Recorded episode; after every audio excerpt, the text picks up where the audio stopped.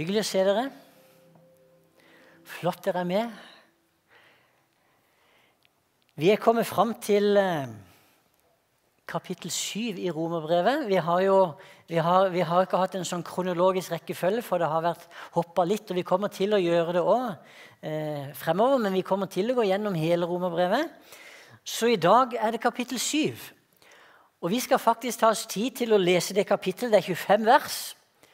Og det er ikke mye for, eh, ikke mye for en, en, mann på 55 år. 25 vers i evigheten. Det er kort tid. Men viktig. og Jeg, jeg tror jeg sa det her forrige gang også, eller for et par uker siden. Eh, folk kommer og sier det. De merker det. Det er kraft i Guds ord. Og, og, det er noe som spesielt vi pinsevenner Vi har nok ikke vært så flinke alltid til å, å lese lange tekster fra Bibelen eh, selv om vi er, vi er, ordets folk, så vi leser mye ellers, men når vi er samla, så har vi tatt litt sånn kortversjoner. Men det står faktisk i Bibelen, når Paulus har skrevet til Timoteus der, at han skulle særlig ta seg av skriftlesningen. Så de leste lange sekvenser fra Gamle testamentet på den tiden da, men inn i de nytestamentlige menighetene, for det var den Bibelen de hadde. Så nå skal vi lese fra Romerne 7, vers 1 til 25. Og også i dag så må jeg minne om de kraftfulle ordene som ikke står i Bibelen, men som likevel er sanne. Når Bibelen er åpen, taler Gud, og når Gud taler, så skjer det noe. Da leser vi sammen.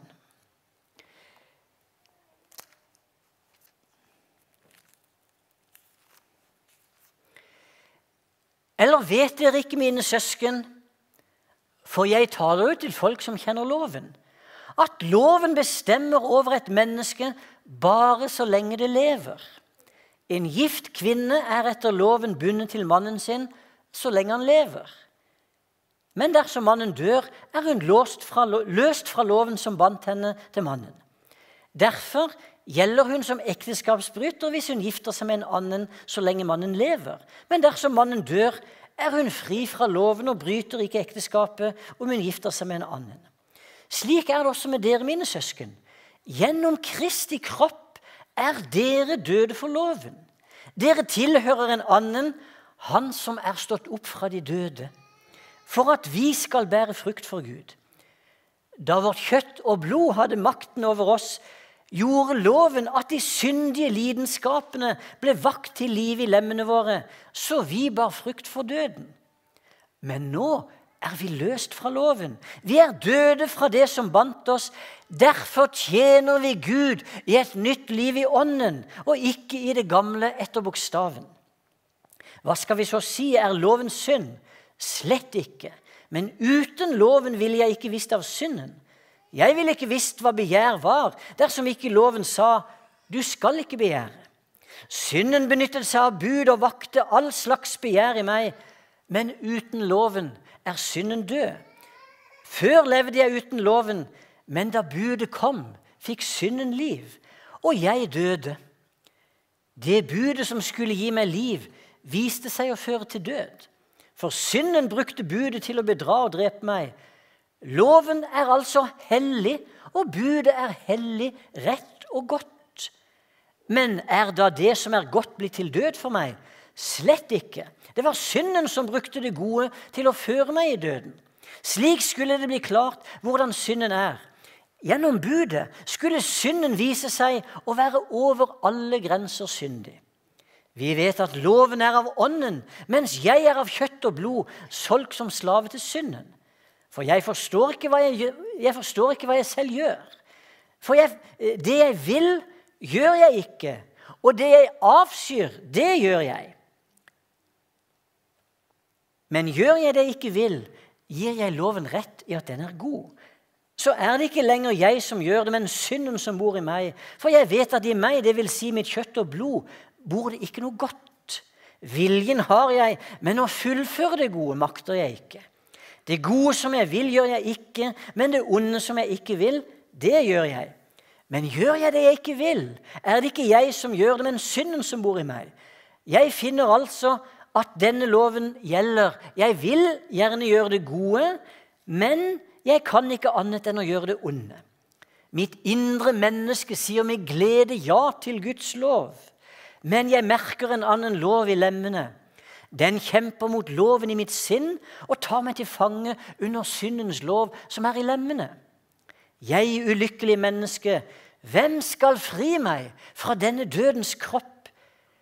Gud være takk ved vår Herre Jesus Kristus. Så Unnskyld. Slik er altså jeg. Jeg tjener Guds lov med mitt sinn, men syndens lov med mitt kjøtt og blod. Tittelen jeg har satt på dagens tale, er 'Hvordan seier over kjødet'. Det har vært diskutert opp gjennom hele historien og debattert frem og tilbake og opp og i mente. Hvem er jeg, som Paulus refererer til her i denne teksten? Snakker Paulus om seg selv og oss kristne før omvendelsen? Eller er det sånn at Paulus beskriver den indre kampen som vi kan kjenne etter at vi har tatt imot Jesus, etter at Den hellige ånd har blitt en del av livene våre? Eller er det sånn at etter at Den hellige ånd har tatt bolig i oss, så går alt som det suser? Og vi kjenner aldri på noen kamp. Er det sånn at en som har tatt imot Jesus, at det er umulig for han å synde lenger? Jeg skal ikke gå inn på den debatten her i dag, for jeg går heller rett på sak. Folkens, uansett åssen vi snur og vender på det, så må vi erkjenne at også vi som har mottatt Den hellige ånd, vi kommer av og til inn i disse kampene. Jeg ser dere nikker. Det var bra. For uansett hvor lenge du har trodd på Jesus, så kan ingen her inne si at alt de tenker og gjør, bare er bra. Og jeg tror alle vi kan kjenne oss litt igjen i Paulus sin beskrivelse når han sier 'Det jeg vil, gjør jeg ikke', og 'det jeg avskyr, det gjør jeg'. 'Det gode som jeg vil, gjør jeg ikke', men det onde som jeg ikke vil, det gjør jeg'. Ganske treffende sagt. Vi kjenner oss igjen, vi møter oss i døra. For vi som tror på Jesus, vi er jo fylt med Den hellige ånd. Vi er gjort til nye skapninger i Kristus. Samtidig så lever vi fortsatt i dette jordiske teltet, som Paulus også kaller det. Vi lever fortsatt i en kropp som skal forgå. Vi er allerede satt med Kristus i himmelen. Og Samtidig så lever vi fortsatt midt i en verden som ligger i det onde. Og Jeg var vitne til en herlig samtale her for noen år siden. Jeg må få lov å referere den. På omsorgsskolen her så var det en, eh, en mann som gikk, han er omtrent på min alder. Og eh, han eh, overhørte han hadde en samtale med en kar som var han var virkelig i farta, han her han snakka med. For han trengte ikke å kjempe noe som helst lenger. For han var kommet inn i en ny dimensjon der han satt med Kristus i himmelen. Så han var ikke til stede her på jorda i det hele tatt. Og han presterte faktisk å si det. 'Jeg lever bare i himmelen, og jeg er ikke her. Jeg er egentlig ikke her.' Og så han, han, han, karen fra omsorgsskolen var en sindig kar fra Tromsø. Så han bare sto der og hørte, og så så han på han. Ja, men jeg ser deg nå. Du er nå her også. Da var den lagt død. For jeg ser deg.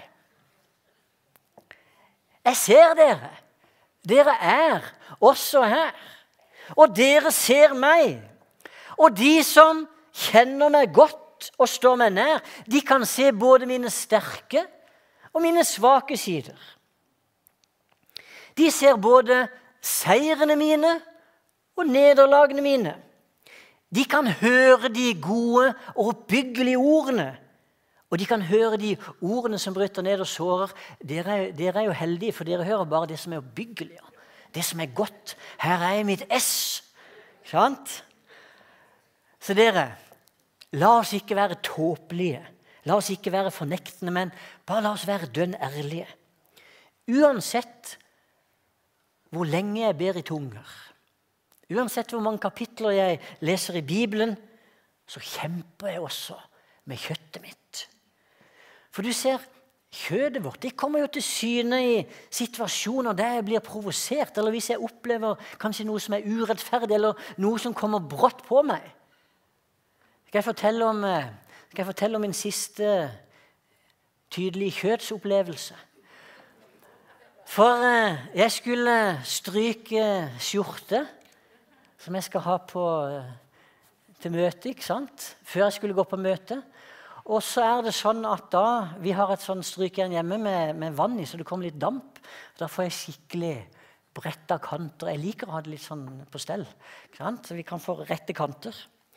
Men så setter jeg strykejernet på den skjorta, drar over bare i gang, og så, ser, så kommer det en svart flekk på skjorta. For det viser seg at en eller annen i vårt hjem Og jeg vet ennå ikke hvem det er, men det skal jeg finne ut men en eller annen i vårt hjem har brukt det strykejernet til å stryke på et eller annet sånt merke som du skal liksom dampe på noe klesdrakt. Så var det blitt et svart merke på strykejernet som da farga av på min skjorte. Og siden jeg er pastor, så tenker sikkert alle at da gikk Geir ned på kne, og så takka jeg Jesus. Takk skal du ha for at du ga meg nåde til å få ødelagt skjorta mi. Det står i Bibelen at vi skal takke Gud under alle forhold og for alle ting. Men jeg gjorde faktisk ikke det. I stedet så ropte jeg ut. Og Vil du vite hva jeg ropte? Jeg er spent nå. Slapp av, jeg, jeg går ikke rundt og banner. Men jeg var nede i kjelleren og så ropte Øy! Hvem er det som har brukt strykejernet nå? Og så var det ingen som svarte, så måtte jeg løpe opp og spørre Hilda. Jeg har ennå ikke funnet ut. Men ikke sant? Da var jeg ikke i ånden da jeg gikk opp i stua. Men Sånn kommer vi hele tiden. Og Jeg er ganske sikker på det er ikke Hilde som har brukt strykejern. Jeg tror på det, men vi har tre andre der. For noen år tilbake så rygga jeg inn. Jeg rygga rett i garasjeporten. Forferdelig kjedelig. Jeg knuste bakruta på bilen og ødela nedre del av garasjeporten. For jeg var litt uheldig da, fordi det var mørkt, og, og sånt, og så satt vi i bilen i hvert fall fire stykker. Og så hadde jeg på en eller annen måte kommet bort til portåpnen, og så uten at jeg så den rygga ut, så gikk porten på vei ned, og så puff, bare smesja hele ruta. Det som jeg merka da, De ville ikke si det sånn, men jeg merka på hva skal jeg si, Du kan merke på sånn slags flir. ikke sant? At alle som satt i bilen, de var veldig glad for at det var jeg som hadde gjort det, og ikke en av de andre. For da hadde de fått høre det. Sånn er det. Vi er i kjøttet. I løpet av min pastortjeneste så har jeg møtt mange mennesker som har kommet til meg fordi de vil at jeg skal drive ut onde ånder av dem. Folk har oppsøkt, oppsøkt, meg for det. Også her eh, det skjer med jevne mellomrom. Fordi de mener de er plaga, og at årsaken til at de stadig mislykkes, det er fordi djevelen undertrykker de holder de nede. Og jeg har drevet ut haugevis av onde ånder i livet mitt, så de fins. Så det er ikke tvil om at djevelen er en fiende som vi skal stå imot. Det er han. Men djevelen er faktisk ikke den eneste fienden som vi har å hanskes med. Og det som er interessant, og jeg har sagt det til noen av dere her også i samtaler, at nesten jeg tør å si nesten 100% av de som har kommet til meg og bedt om at jeg skal drive ut en ond ånd av dem, de har ikke noen ond ånd som vi skal drive ut. Men det er andre ting de kjemper med. Det er ting i deres eget kjøtt som de må ta tak i. For det er greit å kunne plassere feilene mine på djevelen eller på noen andre mennesker. Da er jo jeg fri. Jeg er uten skyld. Jeg har ikke noe med. Min reaksjon er liksom forårsaka av djevelen eller oppveksten. Det er greit å kunne skjule seg bak noen sånne ting. Adam og Eva de prøvde jo på det samme da Gud kom til Adam og spurte hvorfor han hadde spist av frukten på treet. Tre, så var det greit å si jo, men det var kvinnen du har satt hos meg. Den er bra. Kvinnen du ga meg, Gud. Det var hun som ga meg. Og så gikk han til kvinnen og så Nei, men det var slangen. Det er jo, det er jo djevelen. Det hjelper ikke så mye, det. Adam og Eva måtte selv ta ansvaret for sine handlinger. Og det må også vi i dag. Vi tar, må ta konsekvensen av våre valg. Og mye av det som noen tror er djevelens gjerning, det er bare skrøpelighet i mitt eget kjøtt. Beklager å måtte si det. For du ser, i Bibelen så er det tydelig at vi kjemper mot tre fiender. Alt er ikke bare noe som har med djevelen å gjøre. Men vi kjemper mot tre fiender, og djevelen er en av dem. Verden, som den kalles òg, er en annen fiende. Og den tredje, som vi snakker om i dag, er kjødet. Og Derfor er det jeg har satt som tittel 'Hvordan seire over kjødet'. Og Jeg skal forsøke å ta dere med inn i noen ting her i dag. Beskrive hvem er vi i Kristus, hvordan er vi som nye skapninger og alt dette, men også litt av den kampen som vi møter der ute.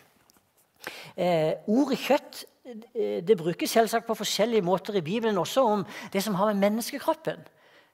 Og Det kan du lese, det, det kommer veldig klart fram av, av, av, sammenhengen. Men mange steder når vi leser om kjøtt i Bibelen, så handler det om vårt indre menneske. Det handler om åssen jeg er som Geir. Og Derfor så kan også eh, Paulus bruke uttrykket 'det gamle mennesket' når han snakker om, om dette. Og hvordan er, altså, hvordan er et menneskes tilstand uten Kristus?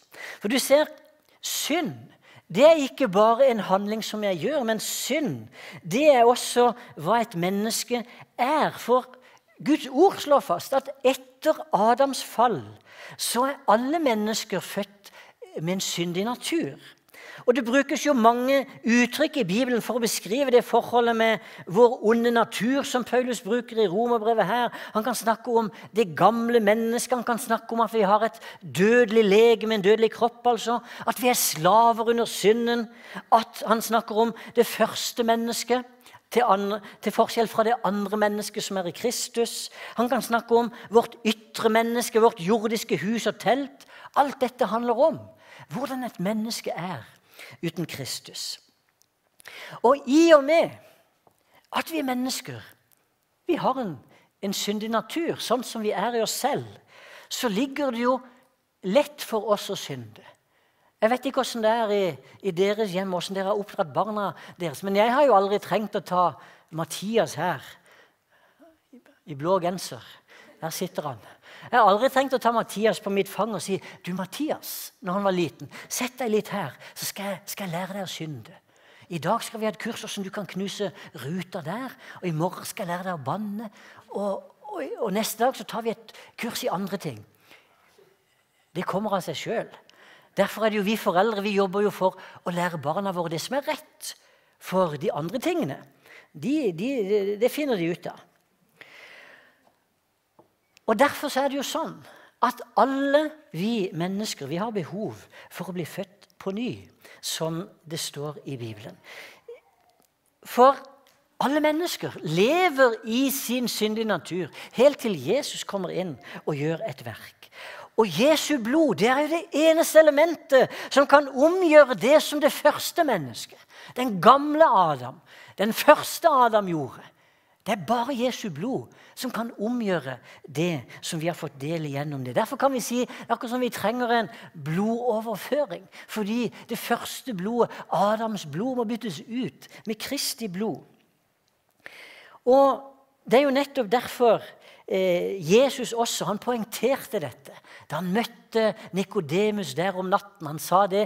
Ingen, altså han sier, ingen kan se Guds rike hvis han ikke blir født på ny. Den som ikke blir født av vann og ånd, kan ikke komme inn i Guds rike.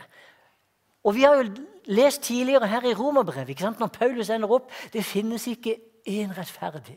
Ikke én en eneste. Det betyr 100% av menneskeslekten trenger å bli født på ny. Vi er født én gang ut fra vår mors livmor. Men vi må også bli født for annen gang ovenfra. Og Det uttrykket på gresk som vi oversetter med 'bli født på ny', det betyr faktisk å bli født ovenfra. Vi må bli født fra himmelen. Vi er født en gang herfra, men nå skal vi også bli født ovenfra, fra himmelen. For Jesus han er den eneste personen som er født, og som ikke trengte å bli født på ny. Hvorfor det? Jo, fordi han ble født på rett måte. Han ble unnfanga ved Den hellige ånd. Det var ikke Josef eller en annen jordisk mann som var faren til Jesus, men han ble unnfanget ved Den hellige ånd. Og Derfor er det med jomfrufødselen Mennesker i dag tenker at det er ikke så viktig. Det er kjempeviktig. Hvis vi tar bort det, så rakner jo noe av grunnen i hele troen vår. Hvis ikke kunne jo ikke Jesus gjøre det han kom for å gjøre. For vi Unnskyld. Det var hikk som kom fram. Hvis ikke Jesus hadde blitt født på den måten, så kunne jo ikke han frelse den syndige menneskeslekten, for Gud trengte et lytløst lam. Han trengte et fullkomment og perfekt menneske. Det var menneskene som hadde synda. Derfor måtte det også være et menneske som skulle lide og bære menneskenes synd. Jesus hadde sin slektstilhørighet i den himmelske far, født av ei jordisk kvinne, men han, fra det første pust til det siste pust på jorda, var han uten synd. Ikke bare at han ikke gjorde synd, men han hadde heller ikke del i den syndige menneskeslekten. Derfor kunne han redde oss. For du ser, det er sånn Paulus beskriver dette, at det å være uten Kristus er det samme som å være død. Og Hvis det er noen som hører på her i dag, som ennå ikke har tatt imot Jesus, så er du åndelig sett som en død å regne. Men du kan bli levende i Kristus. Og Paulus han skriver om det i Feserbrevet. Dere var en gang døde pga. deres misgjerninger og synder. Han skriver vi som var døde på grunn av våre synder. Så sier han i Romerne 6 da, dere var jo døde og har fått liv. Men uten Kristus så er det bare død.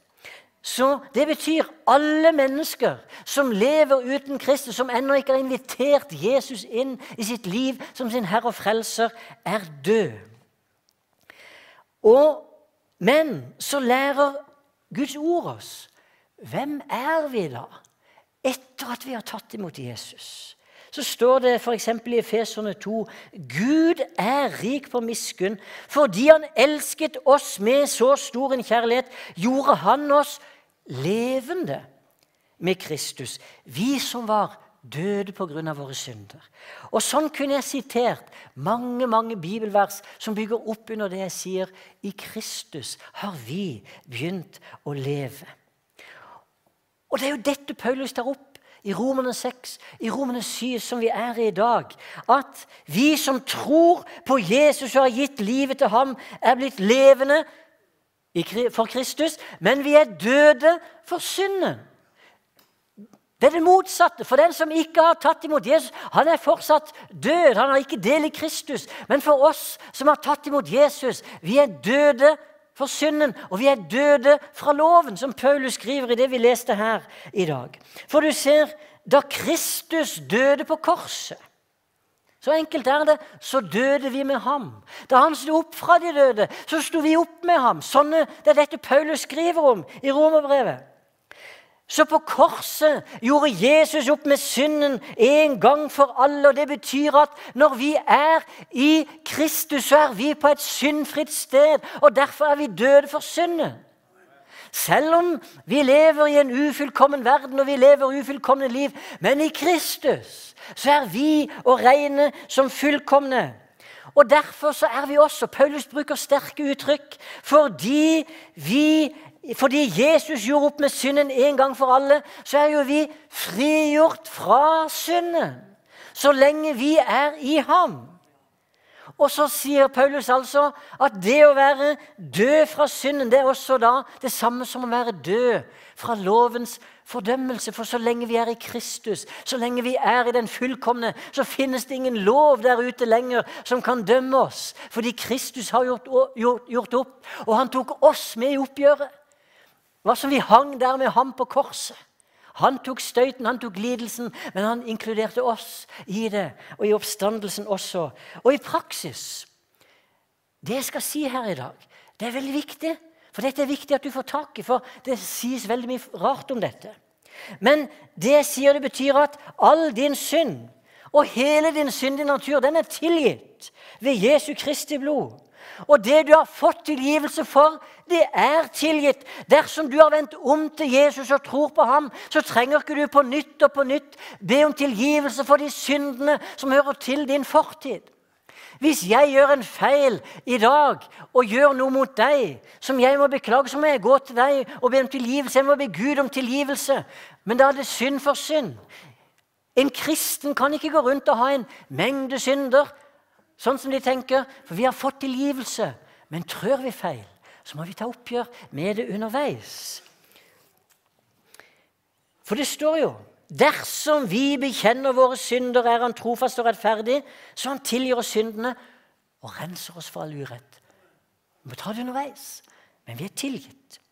Og så må vi forstå at en som hører Kristus til, han har en annen posisjon i denne verden enn en som ikke har tatt imot.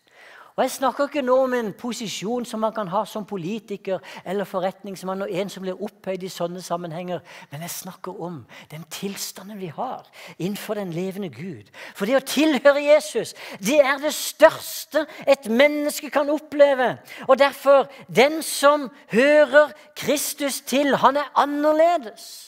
Selv om ikke du kan se det sånn rent fysisk. Men han er annerledes enn en som ikke har tatt imot Jesus. Og det skriver jo Paulus i 2. Korinterne 5. Hvis noen er i Kristus, er han en ny skapning. Det gamle er borte, se det nye er blitt til. Det står ikke i det Paulus skriver, at han er både en gammel og en ny skapning. Han er ikke blandingsrase, men du er en ny skapning i Kristus. Og det er det som Peter også kunne skrive. Derved har vi fått de dyrebareste og største løfter.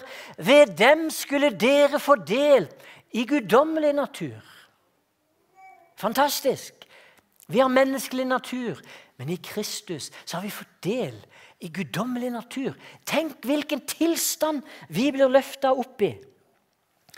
Og betyr det jeg sier her i dag, at du som er et Guds barn, at ikke du lenger lever i den syndige naturen? Ja, det betyr faktisk det. Paulus han bruker mye tid på å skrive om det. I Romerne 7, vers 5 så sier han så lenge vi var i vår syndige natur Han snakker om noe som var i fortiden. Så lenge vi var i vår syndige natur, i Romerne 8 år Men dere er ikke i den syndige natur. Det er ikke bare noe jeg sier, men det står i Bibelen. Dere er ikke den. Dere er i ånden. Så sant Guds ånd bor i dere. Og den som ikke har Kristi ånd, hører ham ikke til. Og Det betyr også at Nytestamentet de kaller ikke lenger de gjenfødte menneskene for syndere. Du ser, Når Paulus bruker ordet 'synder', så refererer han til noe som hører fortiden til for Guds barn. Gud viser sin kjærlighet til oss ved at Kristus døde for oss mens vi ennå var syndere. Dette var det jo Jens Christian talte om forrige gang fra Romerne 5. Og du som har tatt imot Jesus som Herre og Frelser og Det jeg skal si nå, det er veldig viktig. Har du tatt imot Jesus som Herre og Frelser, så skal ikke du lenger ha din identitet som en synder.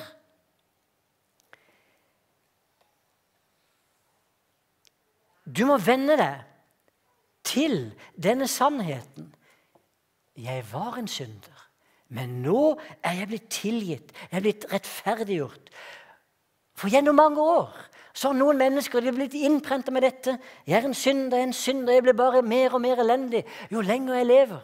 Og Av og til kunne vi høre når jeg hørte vitnesbyrden inn på, på bedehusene og sånn før, så var det liksom nesten kamp i å fortelle hvor elendig de var, og hvor dårlig de ble med årene. Skal jo være andre veien det går jo lenger vi lever med Jesus. Jo mer skal vi jo føres inn i hans hellighet og renhet. Og Derfor er det viktig at vi har den identiteten, ikke som syndere, men som rettferdiggjorte. Jeg kan ikke si det tydeligere enn dette. Dette må vi få tak i. For kan, betyr, det, betyr det at, da at vi som Guds barn betyr det at vi ikke kan synde lenger? Nei, det gjør det ikke. Bare La oss stille noen oppklarende spørsmål. Lever et Guds barn fortsatt i en syndig natur? Nei. Kan jeg som et Guds barn fortsatt synde? Ja, dessverre. Iallfall jeg. Det har skjedd med meg. Og Hvis ikke det har skjedd med dere, så vil jeg gjerne vite eh, oppskriften. Men så kan vi også spørre lever den ikke-troende i sin syndige natur. Ja, Men kan en som ikke tror på Jesus, gjøre gode ting? Ja, kan det. Vi lever her og har muligheter til det. Guds vilje er jo selvsagt at ikke vi skal synde. Men så står det noe helt fantastisk i 1. Johannes brev kapittel 2. Mine barn, dette skriver jeg til dere for at dere ikke skal synde. Det er jo selvsagt Guds vilje. Men så sier han i samme åndedrag, men om noen synder, har vi en som taler vår sak hos Faderen, Jesus Kristus den rettferdige. Jeg er så glad for at det står sånne vers i Bibelen. Jesus har vært menneske. Han vet åssen det er å leve her. Ikke synd, men om noen synder, så har vi en som taler vår sak. Og det er vår tilstand i dag. Og Derfor er det jo sånn at vi som er Guds barn, vi trenger å leve i denne kontinuerlige renselsen. Jesus Kristus har rensa oss. All vår synd er tatt bort. Men så møter jeg på ting inn i dagliglivet som gjør Jesus, jeg trenger deg i dag. Jeg trenger din nåde. Og det må jeg si. Jeg har vokst opp det vet dere, jeg har vokst opp i et kristent hjem og alltid vært i menighet. Men det med avhengigheten av Guds nåde det har blitt viktigere og viktigere for meg. Jeg har fått se mer, og, mer av det jo eldre jeg blir. For vi trenger det. Og ingen, ingen må fornekte dette. Ingen må tro at de klarer seg selv som det også står i 1. Johannes brev en der at sier vi, sier vi at vi ikke har synd, da bedrar vi oss selv, og sannheten er ikke i oss. Men dersom vi bekjenner våre synder, er Han trofast og rettferdig. For det finnes mennesker i dag som, som tenker jo, men jeg er i Kristus, derfor kan jeg ikke synde lenger. Jo, dessverre. Vi kan det. Og jeg kan si, jeg har ikke med, for å trøste dere her Jeg har ikke møtt ett menneske, ikke engang noen av dere som sitter her, som er fullstendig løst fra dette. Vi trenger Jesus. Og så er jo da spørsmålet Og jeg stilte spørsmålet som tittel på talen hvordan kan vi seire over kjød? For det jeg sier, vi lever i noe helt fantastisk. Vi er tilgitt.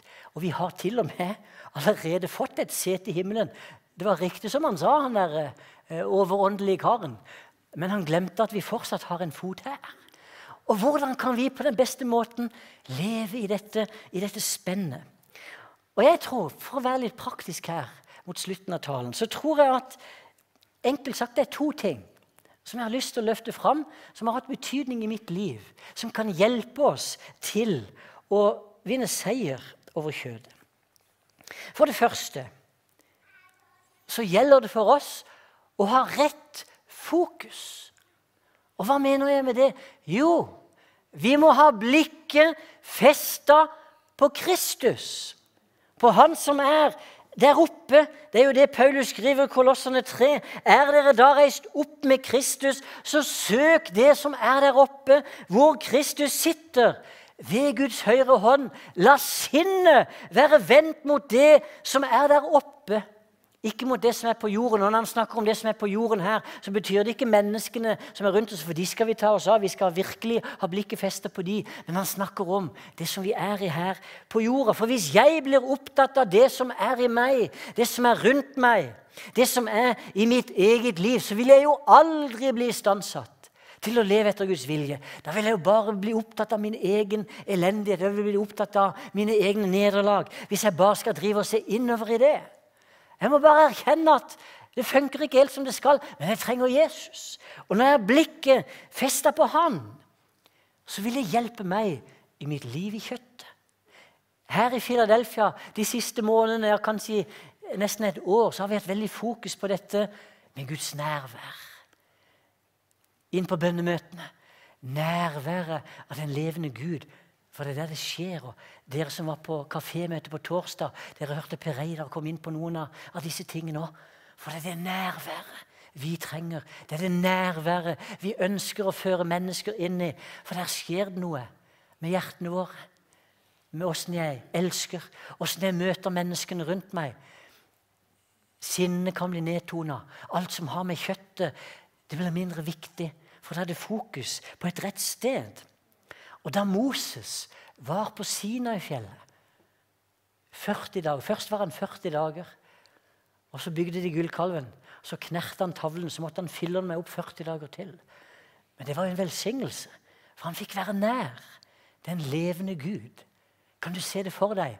Og da han kom ned fra fjellet, så står det der i, i andre Mosebok, kapittel 34, hvordan det strålte av ansiktet hans.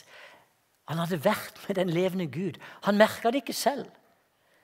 Men Aron og folket de så det, og de ble så redde. De tørte ikke snakke med ham. De, de, de, de, trakk seg unna, så Moses måtte rope at de skulle komme til ham. Men det lyste av ansiktet. For en som kommer i Herrens nærvær, så vil det skje noe. Det vil skje noe med holdningene våre. Vi vil se menneskene rundt oss på en ny måte. Og så har vi Vi er opptatt noe opp, øh, Vi har fått noe som er enda mektigere enn det Moses fikk. For Moses han fikk en glans som skinte i ansiktet, som skulle ta slutt. Dette er åpenbart i 2. Korinterbrev 3 Det nye testamentet. Det sto ikke der i Gammeltestamentet. Der sto det bare at Moses måtte legge et slør over ansiktet for de, så ikke de skulle se lyset. Men Paulus hadde fått åpenbart at grunnen til at Moses la slør over ansiktet, det var at folket ikke skulle se at glansen tok slutt. Og så skriver han vi har fått en glans som ikke tar slutt. Vi har kommet inn i noe nytt, noe som er bedre, noe som ikke engang Moses fikk erfare. Det er det vi har fått del i. Og det er derfor jeg sier i kampen mot kjøttet, når vi kommer inn i nærværet, Guds skinn kommer på oss, så kan til og med menneskene de vil merke at du har vært med Jesus. De vil merke på måten du snakker på.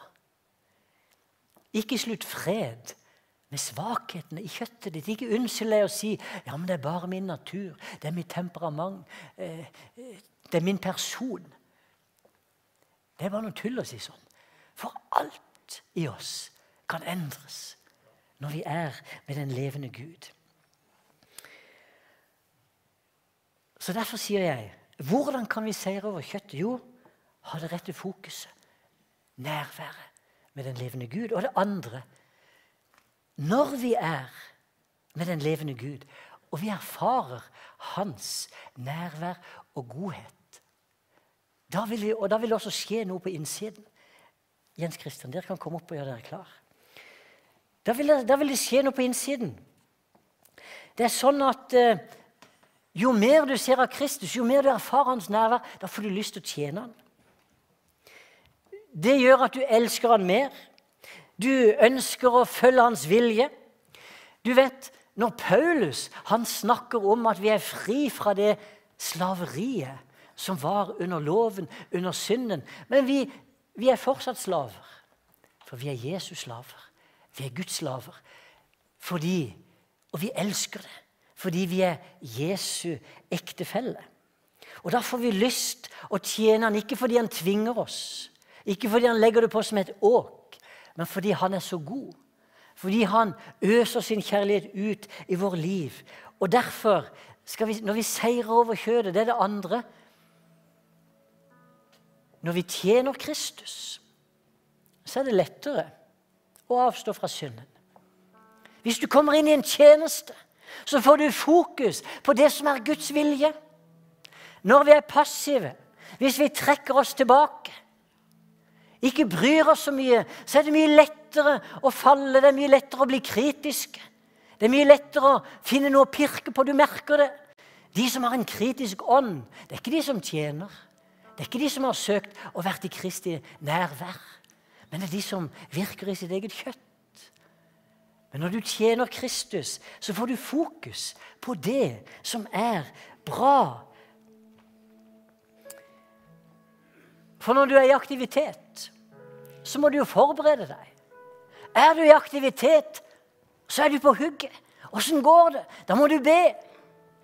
Passivitet er det som noen ganger fører mennesker til å leve et kjødelig liv. Jeg har brukt David som eksempel for noen av dere noen ganger. Tenk på David i sine yngre dager, i sine første år, også han var konge. Han var i fronten. Han var i tjeneste. Han leda troppene ut. Han var aktiv, han måtte søke Gud. Men på sine eldre dager så ble han mer passiv. Han trakk seg tilbake. Noen andre var ute i striden, og en kveld, eller en natt rettere sagt, så gikk han og kjeda seg der, for det er klart Når ikke han fikk være i tjenesten med gavene sine, så begynte han å, kjede, begynte han å, å kjede seg. Og så gikk han og sveiv på taket. Og mens han går der, så ser han ned ei vakker dame som bader der i, i, i et basseng. Batseba. Så kaller han henne opp, ligger med henne og driver hor. Og må etterpå sørge for at mannen hennes blir drept, for å forsøke å dekke over. Han bare vikler seg inn i det. Når vi er aktive, da er det lettere å seire. Og Derfor sier jeg bare enkelt hvordan seire over kjødet? Jo, søk inn til Kristus. Søk det som er der oppe. Vær i tjeneste. For du ser, vi har faktisk mulighet til å ta valg. Jeg har mulighet til å la være å gjøre noe galt. Det er ikke sånn at djevelen han hadde ikke makt og myndighet. Han kunne ikke ta Evas hånd og strekke den ut og tvinge henne til å ta frukten. Men han frista henne. Vi har mulighet. Kain, før han skulle drepe Han hadde planlagt å drepe sin bror Abel, og Gud så hjertet hans. Og Så sier Gud, 'Kain, hva er det du har i sinnet?' Så sier han, 'Synden ligger på lur ved døren.' Du, du skal være herre over den. Men om du åpner døren, så vil den være herre over deg. Det beskrives sånn der i første Mosebok 4, det som er et dyr. Vi har en katt hjemme. Og Av og til hvis katten har vært ute om natta, jeg kommer der på morgenen, så åpner jeg døra, så smetter han inn. Det er bare så vidt du får opp døra. Dere som har katt, vet hva jeg snakker om. Og sånn beskrives synden i Bibelen. Den ligger på lur ved døren. Men du kan være herre over den. Hvis Gud kunne si det til den ugudelige Kain, som ikke har Den hellige ånd, bare som er et vanlig menneske, hvor mye mer kan han ikke si til oss? At vi har mulighet til å seire. For du ser, i Bibelen så beskrives synden i fire etapper. Jakob 1 kan dere lese om dette. Det er fristelse, det er begjær, det er synd, og det er død. Det er ikke synd å bli frista. Alle blir frista. Jesus blir også frista. Men hvis vi kan oppøve hverandre, oppmuntre hverandre, være bevisste Seier i fristelsen, det er mye gjort. Hvis vi går videre fra fristelsen og lar oss friste, så kommer vi fort inn i begjæret. Og fra begjær er veien kort til synd, og fra synden er veien kort til død. Nå snakker vi om åndelig død. Jeg tror ikke djevelen kom bare en dag og sa til Eva 'Eva, se den flotte frukten.' Og så bare tok hun. Men jeg tror han kom en dag, og neste dag, og neste uke. Og til slutt så begynte Eva, når hun la seg der på kvelden og skulle sove, hun begynte å visualisere hun begynte å se foran seg. Hun kom inn i begjæret. Og Jeg har lyst til å utfordre dere til Har du en god venn, ei god venninne, som du kan gå til med dine svakheter. Ikke til ti stykker, ikke til 20 stykker. En person du kan stole på, som du kan være dønn ærlig med å si. Og bare si akkurat de følelsene som tar tak i deg. Akkurat det som du kjenner i kjøttet ditt. Det kan hjelpe deg til å la være å ta det videre. Kanskje du er kommet inn i begjæret eller kanskje du bare kjenner en sterk fristelse. Ha en person som du kan gå til, og så bare taler du det ut. Bare si det. Jeg tenker sånn. Jeg ønsker sånn, men vil være fri. Så kan han legge hånda på hodet ditt, og så ber dere sammen. For når du har bekjent det sånn Sann mine ord. Bare prøv. Hvis du bekjenner det sånn, så blir det lettere for deg å seire. En person som ikke skal si det videre. En som ikke skal bruke det mot deg, men dere kan bruke hverandre. For Guds vilje er at vi skal ha seier i disse tingene. Bare ved Jesu nåde har vi seier. Og så har han gitt oss samtidig kraft til å stå imot.